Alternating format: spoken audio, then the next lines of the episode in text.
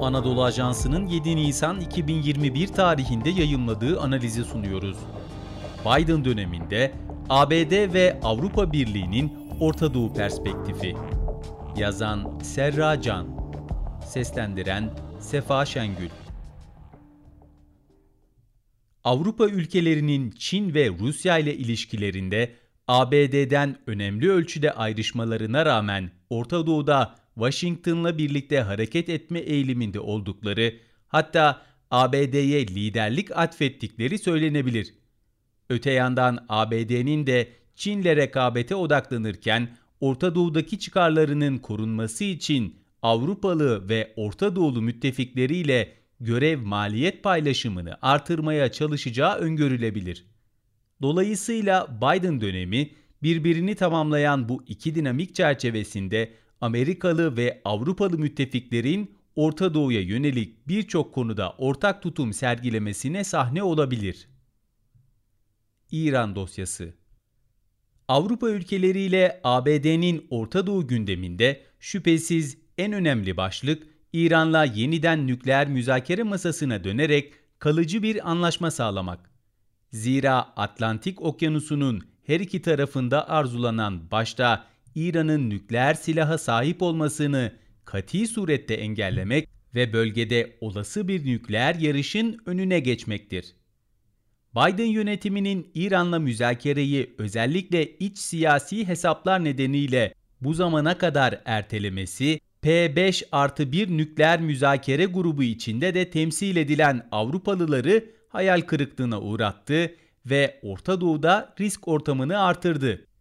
İran'daki ekonomik darboğaz ve yaklaşan seçimler sebebiyle mevcut fırsat penceresinin kritik olduğunu değerlendiren Almanya, Fransa ve İngiltere'den müteşekkil E3 grubu Tahran'la Washington arasında yoğun bir diplomasi yürüttü.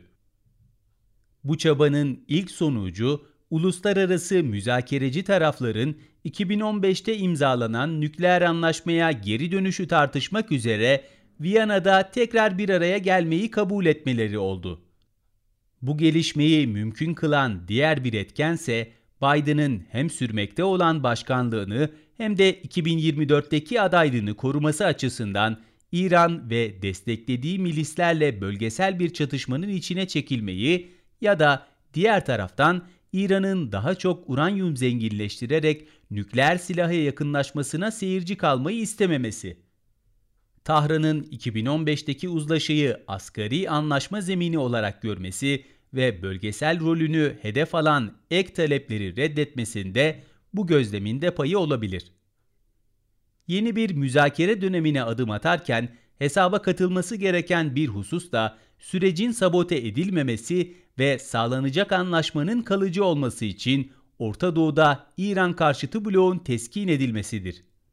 Zira bölgenin tek nükleer gücü olan İsrail başta olmak üzere Körfez ülkeleri İran'ın nükleer uzlaşı ve yaptırımların kalkması sonucunda ekonomik refahını artırarak Orta Doğu'da daha fazla güçlenmesi, vekil gruplarına daha çok kaynak aktarması ve bunları daha etkin bir şekilde kullanabilmesinden endişe duymaktalar. Keza İran'ın balistik füze programının ve bölgesel rolünün şimdi de müzakerenin parçası olmayacağı endişesi İran karşıtı bu ülkelerin itirazlarını güçlendiriyor. İsrail'le normalleşme Halkları bypass ederek İsrail'le Arap yönetimleri arasında Trump liderliğinde sağlanan ve İbrahim anlaşmalarıyla resmileşen normalleşme Avrupalı ülkeler tarafından da takdirle karşılanmıştı.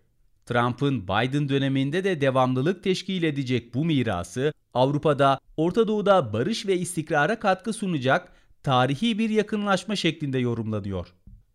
Washington, Avrupalı müttefikleriyle beraber bir siyasi momentum olarak gördüğü İsrail ile normalleşme trendine katılımın artması için başta Suudi Arabistan olmak üzere Orta Doğu'da ve Afrika'da birçok ülkeyi teşvik etmeyi sürdürecektir.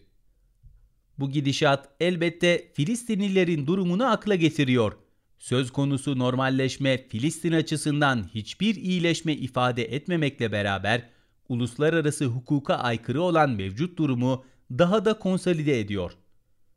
Bu noktada demokrasi ve insan hakları gibi uluslararası normlara vurgu yapan Biden yönetiminin Trump'ın aksine İsrail'in Arap ve Müslüman dünyayla normalleşmesini Filistin meselesinden ayrı tutması ve Trump'ın damadı Kushner tarafından ortaya atılan 100 yılın anlaşması gibi Filistin halkını kaderinin dışında bırakan inisiyatiflere mesafeli durması bekleniyor.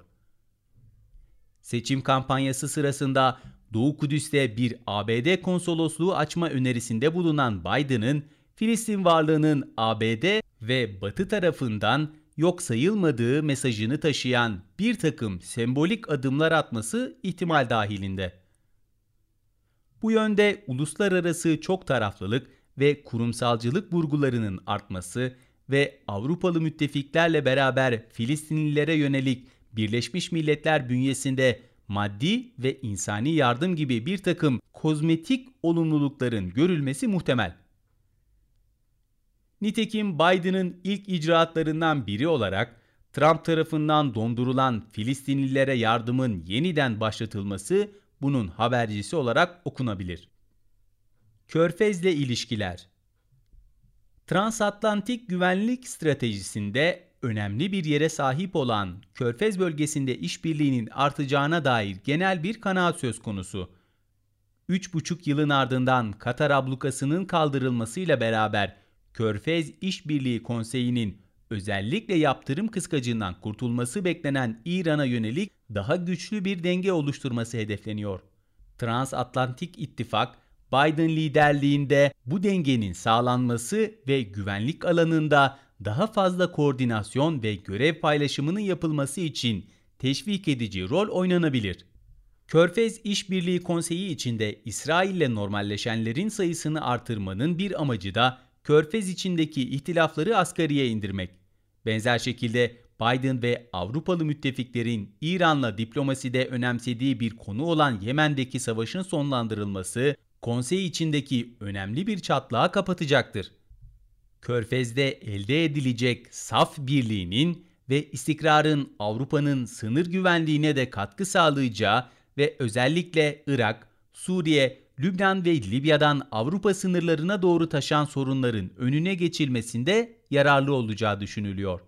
Son olarak petrol piyasalarında istikrar, askeri güvenlik ve geçen haftalarda Süveyş kanalında yaşanan kazanın gözler önüne serdiği gibi ticaret yollarının güvenliği gibi Körfez'le geleneksel işbirliği alanlarının yanına gelecek dönemlerde alternatif enerji kaynakları, dijitalleşme ve yeşil mutabakat gibi başlıklar eklenecektir.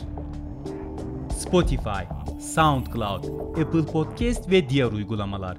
Bizi hangi mecradan dinliyorsanız lütfen abone olmayı unutmayın.